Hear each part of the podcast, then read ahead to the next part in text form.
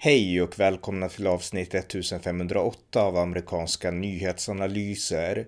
Sveriges enda konservativa USA-podd med mig, Ronny Berggren, som kan stödjas på swishnummer 070-30 28 95 0. Här följer en uppdatering tillsammans med min kollega Björn Nordström om det senaste i USA. Varmt välkomna! Björn Nordström, välkommen! Tack så mycket. Eh, vi ska podda igen om det senaste som hänt i USA, så att ja, du kan börja.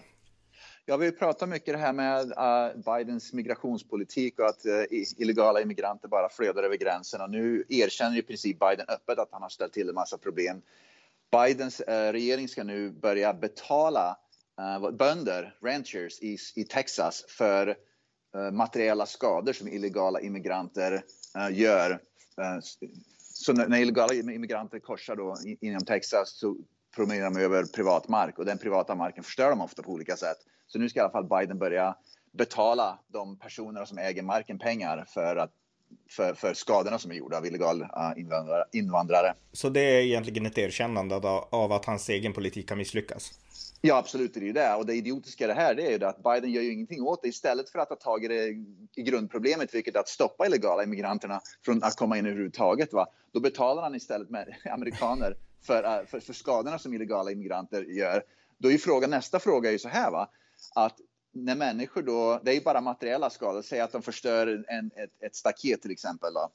Men säg att man blir utsatt för ett brott nu av illegala immigranter, ska man då bli ersatt för det också? Eller vart går gränsen? Vart tänker Biden dra gränsen för det där? Ja, eh, precis. Något annat? Ja. Um, jag, jag, jag, kan, jag, kan, fråga en sak om du inte har det liksom ja. på, på tungan. Utan Trump har ju lanserat ett nytt socialt nätverk som heter, vad heter det? Ja, visst, ja. Truth so Social tror jag heter. Okay. Social, ja. Just det. Har du någon koll på det? Ja, jag, jag, gick faktiskt med. Jag anmälde mig för det, men Uh, det är tydligen sånt högt tryck på det, så många som vill gå med så att man får vänta i kö. Jag anmälde mig och sen kom det ett meddelande som sa att du är, det är två, 208 349 personer före dig i kön. Så att jag tror att, jag vet inte exakt hur det där fungerar, va? men man blir ställd i en kö. Sen får man vänta på att kontot ska bli, uh, ska bli skapat och att man ska då få tillgång till det. Va? Så det, jag vet inte hur lång tid det här kommer att ta, men det kommer nog ta några dagar, några veckor till och med. För att trycket är mycket högre tror jag än, än förväntat. Jag tror att förväntningarna var att trycket skulle vara högt, men jag tror det blev ännu högre än de hade tänkt sig. Så felet är att han har två moderatorer som ska sköta det där? Mm. Typ sådär, ja, precis. Något sånt, ja. Okej, okay, något mer? Jajamän, uh, vad heter hon, uh, AOC, Alexander Ocasio-Cortez, hon är i vanlig ordning ger sig efter judar. Hon är en otrolig antisemit. Nu anklagar hon judar och Israel för att låsa in palestinier i burar. Och eh, den is, eh, judar i, eh, i New York då framförallt har blivit riktigt upprörda över det därför att de vet att det är en lögn. Men det verkar som att, eh, att eh, AOC inte har några filter längre vad gäller att gå efter judarna. Mm. Problemet är ju det här och jag undrar hur det här kommer att påverka judarna till majoritet, stor majoritet röstade, um, röstade Biden i förra valet. Va? Så jag undrar hur det kommer att påverka judarnas val av president och även kongressen nästa höst. Därför att om, om hon fortsätter att, att, att, vad ska man säga, vara öppet antisemit, va? det går ju till en gräns när judiska diasporan här i USA inte längre kommer att kunna rösta demokratiskt. Va? Men vi får se hur det går. Men, men hon gör allt för att den judiska diasporan ska rösta för republikanerna i alla fall. Mm. Just det. Eh, ja, något annat? Jajamän, jag såg att den här critical race theory, 23 av 25 vad heter det, medical schools, uh, vad heter det på svenska? Uh, Medicinskolor kanske? Eller? Lä läkarlinjer typ. Mm. 23 av 25 undervisar uh, critical race theory, vilket är helt brutalt konstigt. Va? Det finns ju i och för sig en viss anledning för det, men det är ju inte, av, av, vad ska man säga, det är inte på det sättet som det här critical race theory fungerar. Olika etniciteter och olika hudfärger och sånt där, de, de har ju olika då um, man är olika prone, man, är olika, uh, man, man, blir, man, man, får olika sjukdomar. Till exempel vita får vissa sjukdomar mer än svarta, svarta får vissa sjukdomar mer än vita. Det beror på att man har en lite annan biologisk uppsättning kan jag väl tänka mig då, baserat på etnicitet. Men det är ju inte därför de gör det, va? men man har i alla fall lyckats trycka in det där nu i, i, i läkarlinjerna här i USA. Och då visar det ju det att, liksom att, att, man, att vetenskapens åsidosatts för ideologi istället, vilket är helt fruktansvärt. Så om man blir sjuk, då ska man ju då gå till en läkare som ska dra igång med, med, liksom, med, med kritiska rassamtal istället för att försöka bota en sjukdom ungefär. Det, liksom, det, det går ju snett bara där. Ja, det är absurt. Sen, sen har jag noterat, jag är ju mörkhyad, alltså när man går till läkaren och så här, alltså vissa saker, man ser ju till exempel inte mina vener och sånt här lika enkelt och liksom om det är svullnader och sånt där, det syns ju inte lika lätt som om man är vit, för då ser man att där är blodådran liksom blå, där är den röd och så vidare. Ja. Det syns inte lika lätt, så det finns ju sådana saker, även i ögonundersökningar, det är svårare att se liksom nyanserna och sådär, för mina ögon är ju liksom mörka egentligen, både ja, förutom ögonvitan liksom. Eh, så att jag, jag har ju noterat faktiskt själv att det finns vissa sådana distinktioner och jag har tänkt på att hm, det här är liksom, det här har de inte tänkt på, eller det här liksom, det har jag faktiskt gjort faktiskt. Eh, men jag kan tänka mig att USA är mycket mer eftersom USA har en lång historia av liksom en stor, ja om det är en minoritetsbefolkning, men en stor andel svarta och mörkhyade, att där är man bättre på att tänka så inom vården, liksom att, att liksom olika kroppar är olika, skulle jag tro. Jo, precis. Min fru är också väldigt mörkhyad, så mm. hon, hon upplever ju samma sak. Va? Men Eh, och vissa, vissa grupper då har ju olika skydd. En viss typ av cancer får vita eh, amerikaner mycket mer och en annan typ av cancer får svarta amerikaner. Så det, det finns ju bakom den. Men det har ju med biologi att göra helt enkelt. Man, försöker, man måste ta, ta liksom hänsyn till att, att människor ser lite annorlunda ut för att lösa det biologiskt. Va? Men det, det här critical race theory, det handlar ju liksom om att det handlar inte om det biologiska på så utan man ska trycka in en ideologi i läkarlinjerna som liksom över som övertar, vad ska man säga, de praktiska sakerna. Som, utan det här är mer ideologiskt och, och politiskt istället. Och det är mm. det som jag, som jag har problem med. Så att, att människor då ser olika ut och sånt där. Det är liksom självklart att man ska ta hänsyn till allt sånt där. Det är ju givetvis. Va? Men att ideologi och politik kommer in och ska trumfa allt annat. Det är ju problemet för mig. Ja, och på tal om det, alltså ideologi och politik, så har Biden nu valt sin eh, Supreme Court, högsta domstolen-domare. Precis. Och eh, det har väl ganska mycket att göra med liksom svart ideologi och politik. Hon heter, vad heter hon för något? Jackson någonting. Men det är en svart kvinna i alla fall. Det är dit jag vill ja. komma. Kan du något mer om henne? Nej, jag har faktiskt inte läst mycket. Jag såg bara det i morse att han har nu beslutat sig för det. Och det var ju det han sa redan från början, för det var redan för ett och ett halvt år sedan han kampanjade till och med, tror jag det var. Han sa att nu ska vi ha en svart kvinna. Så att det handlar bara om biologi. Han ska få rätt biologi in i Supreme Court nu och inte rätt, uh, vad ska man säga, kvalifikationer. Nu säger jag inte att hon inte är kvalificerad, det är hon säkert. Men att man utesluter andra grupper enbart för att gå efter en viss grupp. Det i, i, det i grunden betyder att man, man praktiserar faktiskt diskriminering mot andra grupper va, genom att säga att Tänk om det hade varit annorlunda om en president hade gått och sagt jag tänker bara gå ut och, och, och, och leta efter vita medelålders män ungefär. Det hade ju brakat löst i helvete då i, mm. i, uh, i media och allting. Va? Men man, när det gäller svarta kvinnor får man tydligen göra det. Va? Då, då längre gäller inte de här diskrimineringsreglerna och, och all, all den här, uh, vad ska man säga, att alla ska ha lika chans ungefär. Men det är så USA fungerar nu tyvärr, att allt handlar om att ha rätt hudfärg och rätt kön och så vidare för att man ska kunna få en chans. Hon heter Kentanji Brown Jackson heter hon i alla fall. Och eh, just det här med att det är ras, alltså så här står det i Washington Post att eh, if, if confirmed she will be the first black woman justice in the court's history. Ja, ja. Eh, ja Precis, så att, så och det, ja. det de, jag tror inte de begriper när, när Washington Post och de skriver artiklar att, de, att, att de bryter ner henne enbart till att hon är bara en svart kvinna. Va? De säger att du är en svart kvinna och, du, och det är det enda som gör att du är kvalificerad för det här. Va? Det är egentligen otroligt nedvärderande för henne. Hon kanske är otroligt kvalificerad och jättebra. Det är hon säkert. Det, ja. det tvivlar jag inte ett skvatt på. Va? Men att någon säger att du, är en, du, du har kommit in på den här positionen enbart för att du är en svart kvinna. För de vad ska man säga, ytliga sakerna som du är född med. Inte för dina kvalifikationer eller meriter det är, det är otroligt. Det är rasistiskt och det är sexistiskt så det bara dånar om det. Va? Mm. Nej, men jag, jag, undrar vad man upplever, för jag menar här i Sverige, alltså vi tänker inte så i Sverige, så att jag menar, jag skulle aldrig ens tänka med tanken att någon skulle ens tänka så, jag skulle aldrig tänka så själv, men alltså, alltså jag undrar om alltså, man tänker så själv, alltså det här är ju förnedrande om man skulle vara en svart amerikan och bli behandlad så, så skulle jag känt om jag nu hade varit i en sån miljö i alla fall.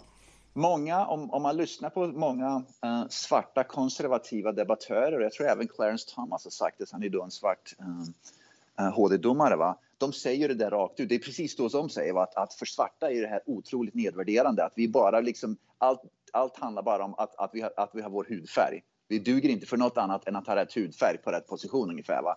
Att vi sen är smarta och duktiga, det struntar ju alla i. Utan det är bara liksom att det gäller bara att trycka i rätt hudfärg. Så, så det samtalet sker inom konservativa svarta den svarta diasporan. Men bland vänsterliberaler tror jag inte man bryr sig om sånt här. Nej. Utan det är liksom, den, den diskussionen går inte längre, så man är bara intresserad av att få rätt hudfärg och rätt kön på en viss position. Ja. Eh, när vi poddade tidigare då har ju uppmärksamheten för Ukraina varit nästan obefintlig i USA. Men nu så står om Ukraina exakt överallt. Varenda tidning jag går in på. Jajamän. Washington Post, Washington Post, Fox News och liksom New York Times. Överallt är bara Ukraina, Ukraina, Ukraina. Så att hur går, hur går debatten i USA nu om Ukraina? För det är ju krig där Ryssland har invaderat. Ja, det var ett par elever som kom fram till mig. Jag undervisade på en skola. Eleverna är då, går i trean till åttan. Och det var ett par elever som kom fram igår och sa nu är vi krig snart. Så att till och med elever börjar förstå sådär. Men jag tror majoriteten, ärligt talat, majoriteten medelamerikaner, framförallt fattiga amerikaner, bryr sig inte ett skvatt om Ukraina. Därför att vi har pratat om det här förut. Inflationen är hög nu. Bensinpriserna kommer att gå upp. De har gått upp redan en del och de kommer att gå upp ännu mer nu. Så att folk här har sina egna problem, att de inte orkar bry sig vad som sker i Europa när folk krigar. Va? Utan, utan det, det, är, vad ska man säga, det, det är lite grann ett, jag vill inte säga lyxproblem mer att snacka om det här. Vanliga människor har tillräckligt mycket problem i sina egna liv här, speciellt med höga priser, den här supply chain problem uh, um, och bensinpriser som går upp och så vidare och så vidare. Att man liksom orkar inte med att överhuvudtaget tänka på någonting som sker på andra sidan jordklotet ungefär. Nej, det här är ju i första hand ett europe eller det är ett stort världsproblem, men det är ju Europas ansvar framför allt att liksom styra upp det här, det tycker jag också. Men jag läser en, en undersökning av Morning Consult och den visar ändå att amerikaner är en stor, ja, i princip en majoritet. 46 procent av amerikanerna, väljarna, de är redo att införa hårda sanktioner mot Ryssland, även om det skulle innebära prisökningar i USA. 30 procent menar att de är för sanktioner om det inte innebär några konsekvenser för dem själv och 7 procent emot. Så att det finns ändå väldigt många som inser att det här är allvar och eh, även om det påverkar oss lite grann så, så är vi ändå beredda att betala det priset för att liksom sätta hårt mot Ryssland nu. Något som jag tror man glömmer i de där undersökningarna, det skulle vara väldigt intressant att få reda på, vilka är det som tillfrågades? Jag har svårt att tro att fattiga amerikaner, att de ringer runt och frågar fattiga amerikaner, för fattiga amerikaner förmodligen kommer inte att svara i telefonen en gång. Va? Utan min gissning, det här är bara en ren gissning, min gissning är att det är medel och överklassen som, som, som är överrepresenterade i de där undersökningarna. Fattiga amerikaner är underrepresenterade. Va? Jag kan lova dig att jag, jag arbetar i en väldigt fattig kommun. Och om du skulle fråga folk här så är jag övertygad om att majoriteten skulle säga att de inte skulle ställa upp på om priserna går upp. Därför att folk här lever i fattigdom. Många lever i fattigdom. Och ökade bensinpriser helt plötsligt så betyder det att maten på, maten på bordet försvinner. Så att jag, jag, jag är nyfiken på undersökningen. Vem tillfrågades och hur skedde det där? Hur skedde liksom tillfrågningarna och vilken, vilken grupp var det som gjorde det? Va? Så jag tror det finns mer, om börjar man gräva i det så tror jag att, att det är ungefär som att vi pratade om förut. Va? Det är lätt för vänsterliberala universitetsprofessorer att säga defund the police därför att de bor inte ute i de svarta gettorna helt enkelt. Men de som blir bestraffade när man defund the police är ju framförallt svarta, fattiga människor för att det är de som blir offer för ökad brottslighet. Va? Mm. Ja. Eh, en sak som ligger högt på Bidens agenda det är att göra USA grönt såklart. Det är ju innetrenden i hela väst. Och han vill ha att alla sådana här federala myndigheter, eller många i alla fall, ska köra elbilar. Och nu har USAs postverk sagt helt enkelt att vi kommer som alla andra att byta ut våra reg bilar regelbundet. Men vi kommer ha bensinbilar, har, posten beslutat. Och eh, ja. jag kan inte så mycket om amerikansk post, men jag förstår definitivt logiken varför man som postbud inte vill ha elbil. Jag, så, ja, precis, jag såg det på nyheterna i förrgår de ska köpa, posten ska köpa in 55 000 nya bilar. 50 000 kommer att vara bensindrivna och 5 000 är eldrivna. Så att stora majoriteten där är ju naturligtvis bensindrivna. Så att Biden snackar mycket men det blir ingenting gjort. Jag tror också att det har att göra med att folk vet om och även posten vet om att de måste ha någonting som fungerar. För att om inte elbilarna funkar så kan inte posten levereras. Va? Så att det är för stor risk att, att köra elbilar när man delar ut post. Ja, precis. Ja, något annat? Jajamän, för att prata om eh, det här med, med eh, hudfärg och allt sånt. Det är ett universitet som heter Binghamton University. Det ligger i delstaten New York om jag minns rätt.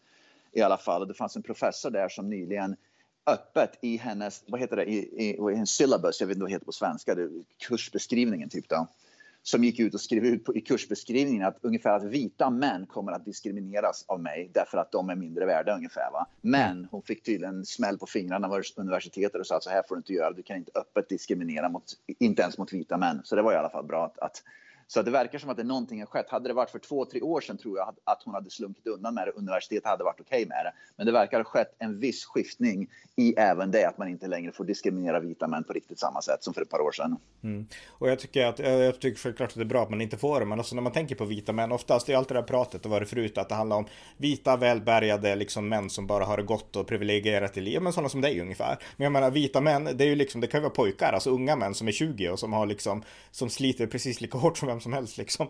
Så att, eh, ja. Jo, precis. Ja, eh, ja något annat. Jajamän, Seattle. Eh, jag såg i morse på nyheterna här att Phoenix Police Department har skitsvårt att anställa poliser.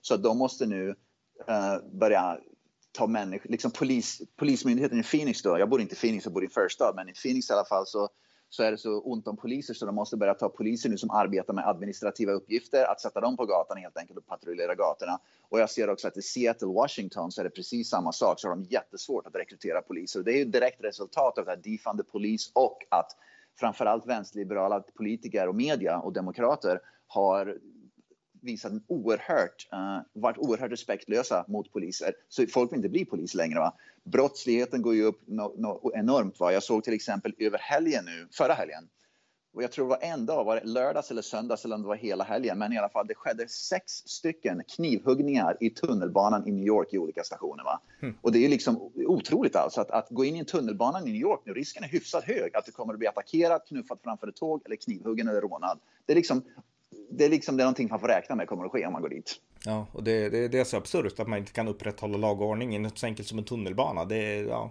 Och jag, jag undrar om det alltid varit så? Nej, det var det ju inte för bara 4, 5, 6 år sedan, utan det här, mycket har ju skett sen det här defunded poliser, det här Black Lives Matter. Black Lives Matter har, har precis som Miljöpartiet gjort fruktansvärda skador för Sverige. Mm. Och på olika sätt så har Black Lives Matter gjort fruktansvärda skador i USA, framförallt vad gäller kriminaliteten och ökad kriminalitet. Därför att de har fått igenom många av sina krav. För många städer och politiker har vikt sig för att de vill liksom inte bli ansedda. De vill inte bli anklagade för att vara rasister. Då har man vikt sig istället har brottsligheten gått upp överallt. Mm. Men varför, varför ställer frågan? Det är inte, jag förstår att det är så, men det, alltså tänker man historiskt och det här, det här är inte fråga till dig utan jag kastar bara ut det i allmänhet liksom. Jag menar, om man läst om New York så var det ju väldigt mycket brott på 80-talet, det har vi pratat ja. om tidigare. Men när började den här brottsligheten? Det är det jag är intresserad av. Har, har, har det varit brott i liksom storstäderna sedan USAs början eller har det liksom, ja. har det hänt något som har gjort att nu är det mer brott? Det är det jag är lite nyfiken på. Ja, jag vet faktiskt inte. Jag menar, vi vet ju redan att organiserad brottslighet det skedde ju för över hundra år sedan i Chicago och New York. Mm. De var ju kända för det där. Va? Så att det, har, det har nog skett väldigt mycket. Va? Men sen har det kommit politiker och börjat städa upp det där. Men, men brottsligheten i USA har ju alltid varit ganska hög jämfört med i princip alla andra länder i västvärlden. Även jämfört med Japan och Korea och sånt där och Kina. Mm. Mm, just det. Ja, eh, något annat? Ja, vi pratar mycket om det här. Uh, uh, Bill Maher, jag har nämnt honom. Han är ju en känd um, stand-up uh, ta, ja, ståuppkomiker ja, och, och talkshow och allt sånt där. Han har gått ut i full attack mot, mot uh, kändisar, framförallt LeBron James och kritiserar dem för att helt enkelt vika sig. Han fortsätter sitt korståg mot kändisar som, vi, som, som viker sig för Kina. Så det är väldigt bra att han i alla fall, allt fler börjar få upp ögonen för det där. Va? Så att det ska bli intressant att tala om LeBron James. Du vet Kyle Rittenhouse mm. som då, ja vi har ju pratat om det mycket förut va han har sagt att han ska gå ut och stämma LeBron James för att LeBron James tweetar tydligen ut massa eh, vad heter det, eh, negativa saker. Om, ah, LeBron James för ett par år sedan när det här skedde med Kyle Rittenhouse twittrade ut, jag vet inte exakt vad han twittrade ut, men han gjorde derogatory comments och, allt vad det nu var med andra. Han anklagar säkert Rittenhouse för att vara nazist och vitmakt och allt vad det är. I alla fall, nu har Rittenhouse sagt att han ska stämma LeBron James. Så att det är ju väldigt bra. Det ska bli en mycket intressant domstol. För att Rittenhouse, han gjorde ju en um, Han, han, stäm, han stämde upp Oprah Winfrey också, han stämt. Och så han har ju riktiga stämningar ja, okay. mot massvis av, av folk, liksom massa kändisar som han, han stämmer. Ja, okej, okay, jättebra, jättebra. Så han gjorde tidningarna först och de betalade honom enorma pengar i skadestånd. Så nu tar han de pengarna och börjar stämma kändisar. Så det ska bli intressant att se hur de stämningarna går mot, mot specifika individer. För nu, han stämde ju CNN och MSNBC och allt vad det nu var och de gjorde förlikningar så han fick enorma summor pengar. Så att det ska bli intressant att se hur stämningarna mot individer ska gå nu som LeBron James och nu Oprah Winfrey tydligen och så vidare. Och så vidare. Alltså, jätteintressant. Hoppas nu att han vinner det där så kändisarna börjar få sin smäll på fingrarna att de inser att vi kan inte gå och bete oss hur som helst mot vanliga människor när saker och ting sker. Och på tal om det, vi pratade tidigare i en podd om Sarah Palin, att hon hade stämt New York Times. Hennes stämning vart utkastad av en domare i New ja. York och nu har hon överklagat för att hon ville ändå försöka gå vidare med det här mot att de, ja, gjorde ungefär samma sak som de har gjort mot Kyle Rittenhouse, alltså skrev saker som inte var sanna om henne. Ja, såg det också. Ja, ja eh, något mer? Jajamän, jag såg att Texas, det snackas så mycket om att Demokraterna hoppas att Texas kommer att bli Texas har ju varit republikanskt och det har ju blivit kanske lite mer uh, demokratiskt nu. Eller de, republikanerna är röda, demokraterna är blåa här så det har, varit, det har gått från, från rött till mer uh, vad heter det, lila, purple. Mm. Men i alla fall nu, tidig data visar att många latinamerikaner, vilket är en extremt viktig väljargrupp i många delstater och inte minst i Texas då för att det är så många latinamerikaner där, det visar att latinamerikanerna har börjat skifta parti från demokraterna och istället registrera sig som eh, republikaner i nästa val. Så republikanerna kommer förmodligen förhoppningsvis att få ett uppsving av latinamerikaner i, inte bara i Texas men i andra delstater. Jag tror det, det, det börjar make sense. Det liksom, det, jag börjar förstå att latinamerikanerna börjar se hur saker och ting börjar gå, att de själva blir straffade för att, jobba, att rösta på Demokraterna. Så jag, jag skulle inte bli förvånad om allt fler latinamerikaner och de har en avgörande roll, börjar rösta på republikaner i större, i större utsträckning. Så ja, att... och, då, och då kan vi lägga till också, alltså att det är inte bara mellanårsval i öst, utan det är i Texas så är det också ett guvernörsval. Där republikanerna då, ja. Greg, Greg Abbott som är republikan, han går mot omval och han har ju liksom en tuff klassisk republikansk politik. Och demokraterna, nu har inte primärvalen hållits än, men nästan allt tyder på att det kommer att bli de här två. Demokraten kommer då att bli Beto O'Rourke, den här som kandiderade ja. till president 2020 ja. som är supervänsterdemokrat, lite så halvfeminin och lite så här allmänt fånig. Alltså han är ju en tönt tycker jag liksom. Och jag skulle kunna tro att även om han kan spanska, vilket jag inte vet om Greg Abbott kan, så tror jag inte att latinamerikaner är så imponerade av det. Därför att han är en tönt, typ.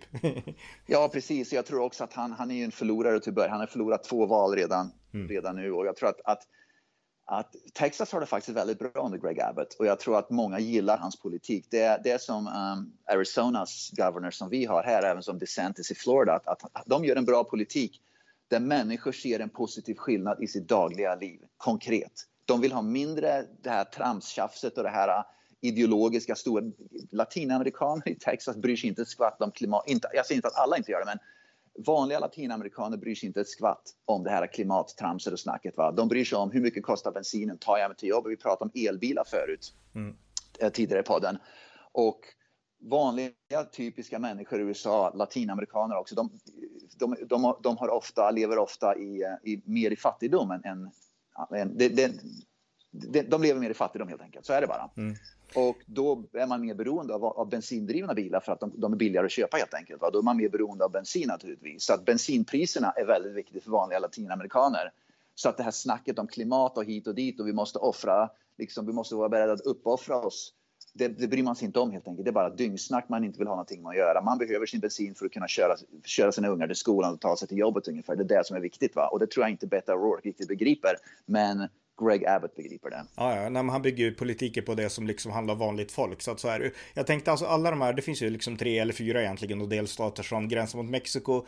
Eh, ja. bland annat Arizona och sen så New Mexico, Texas och såklart och Kalifornien. Alltså finns det någon slags, hur är samarbetet mellan de här delstaterna? Om du har någon koll på det? Jag menar, man delar ändå en gräns och man delar ändå ganska många egenskaper eh, på grund av gränsen kanske framför allt. Jag har läst lite grann om att man vill göra saker och ting, men det, New Mexico, problemet med New Mexico är att New Mexico har en, eh, de är väl mer demokratiskt styrda. Va? Samma med, mm. med Nevada, de är inte, har ingen gräns mot Mexiko i och för sig, men det är fortfarande en, en hög latinamerikansk befolkning. Men jag tror det finns lite samarbete mellan till exempel Arizona och Texas, man vill göra saker och ting med gränsen, men sen så sitter ju New Mexico emellan där och det skapar ju ett problem. Och Florida tror jag man skulle vilja göra mycket samarbete med, men sen finns det ju då, det är för stora avstånd. Så att det finns inte riktigt, mycket, riktigt lika mycket samarbete som jag tror möjligheterna. Det finns möjligheter för mer samarbete, men jag tror inte det riktigt är det där. Jag tror att, att, att folk vill nog ha det. Jag tror att politikerna, liksom att eh, de, republikanska guvernörerna vill ha det. Va? Men det, det är praktiska problem som också därför att om man börjar samarbeta med dem, då kanske man vänder ryggen till sin egen population i sin egen delstat ungefär. Så att. Ja, just det. Ja, eh, något annat? Ja, jag såg att Biden för första gången hans approval rating, favorability rating, med andra ord hans popularitet i delstaten New York är nu för första gången under 50 procent. Så inte ens New York-borna som är extremt vänsterliberala uh, anser att Biden är speciellt bra längre. Va? Så att han tappar ju till och med stöd i vänsterliberala delstater. Mm. Ja, eh, precis. Ja, något annat? Ja, vi pratar om det här allt vapenvåld och allt sånt där i USA. För första gången någonsin nu har, um, har uh, vapenmord Vapenmord har fler antal dödsfall per år än, bil, än bilolyckor.